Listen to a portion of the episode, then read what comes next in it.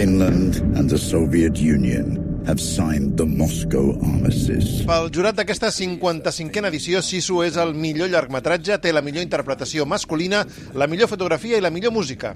Segon cop que el finlandès Jalmari Helander competeix a Sitges i segona victòria, la primera fa 12 anys amb Rare Export, un cuento gamberro de Navidad. Ara ha presentat un film que veu del cinema bèl·lic dels 60 i dels westerns de Sergio Leone, com ha dit el president del jurat, el director William Lustig, i el seu productor executiu, el català Toni Sales, l'ha valorat així en declaracions a Catalunya Informació. La història és molt simple, és eh, acció, no es complica, i el, el llenguatge cinematogràfic del director anava molt bé amb, amb, amb aquesta història, no? lligava perfectament. Té un sentit de l'humor molt cru, I, i realment la pel·lícula està plena d'humor encara que, que sigui una temàtica de que és uh, bastant violenta. El president del jurat, el director William Lustig i l'actriu Susan West han raonat la seva decisió. M'ha fet pensar en uns films que m'agraden, com els dels anys 60 ambientats a la Segona Guerra Mundial, els de Sergio Leone, Mad Max, la música de Ennio Morricone... Tot això que m'agrada tant ho pots veure en aquesta pel·lícula, segur que hi ha influït en el director, però malgrat tot és una pel·lícula totalment nova.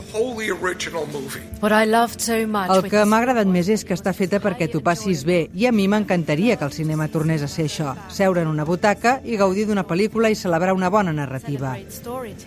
Aquí parla simplement d'un paio que ja en té prou, que no vol que el molestin i vaig pensar que en general està molt ben feta, amb una interpretació prodigiosa i en cap moment la vaig interpretar des d'un punt de vista polític.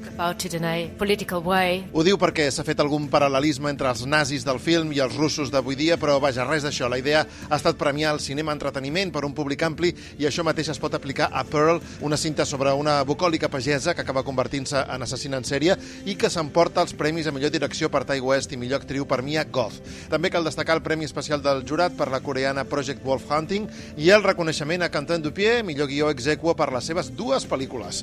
Els millors efectes especials són els de la Basca Irati, que també ha guanyat el Premi del Públic, i per una altra proposta finlandesa, Ego, que estava entre les favorites.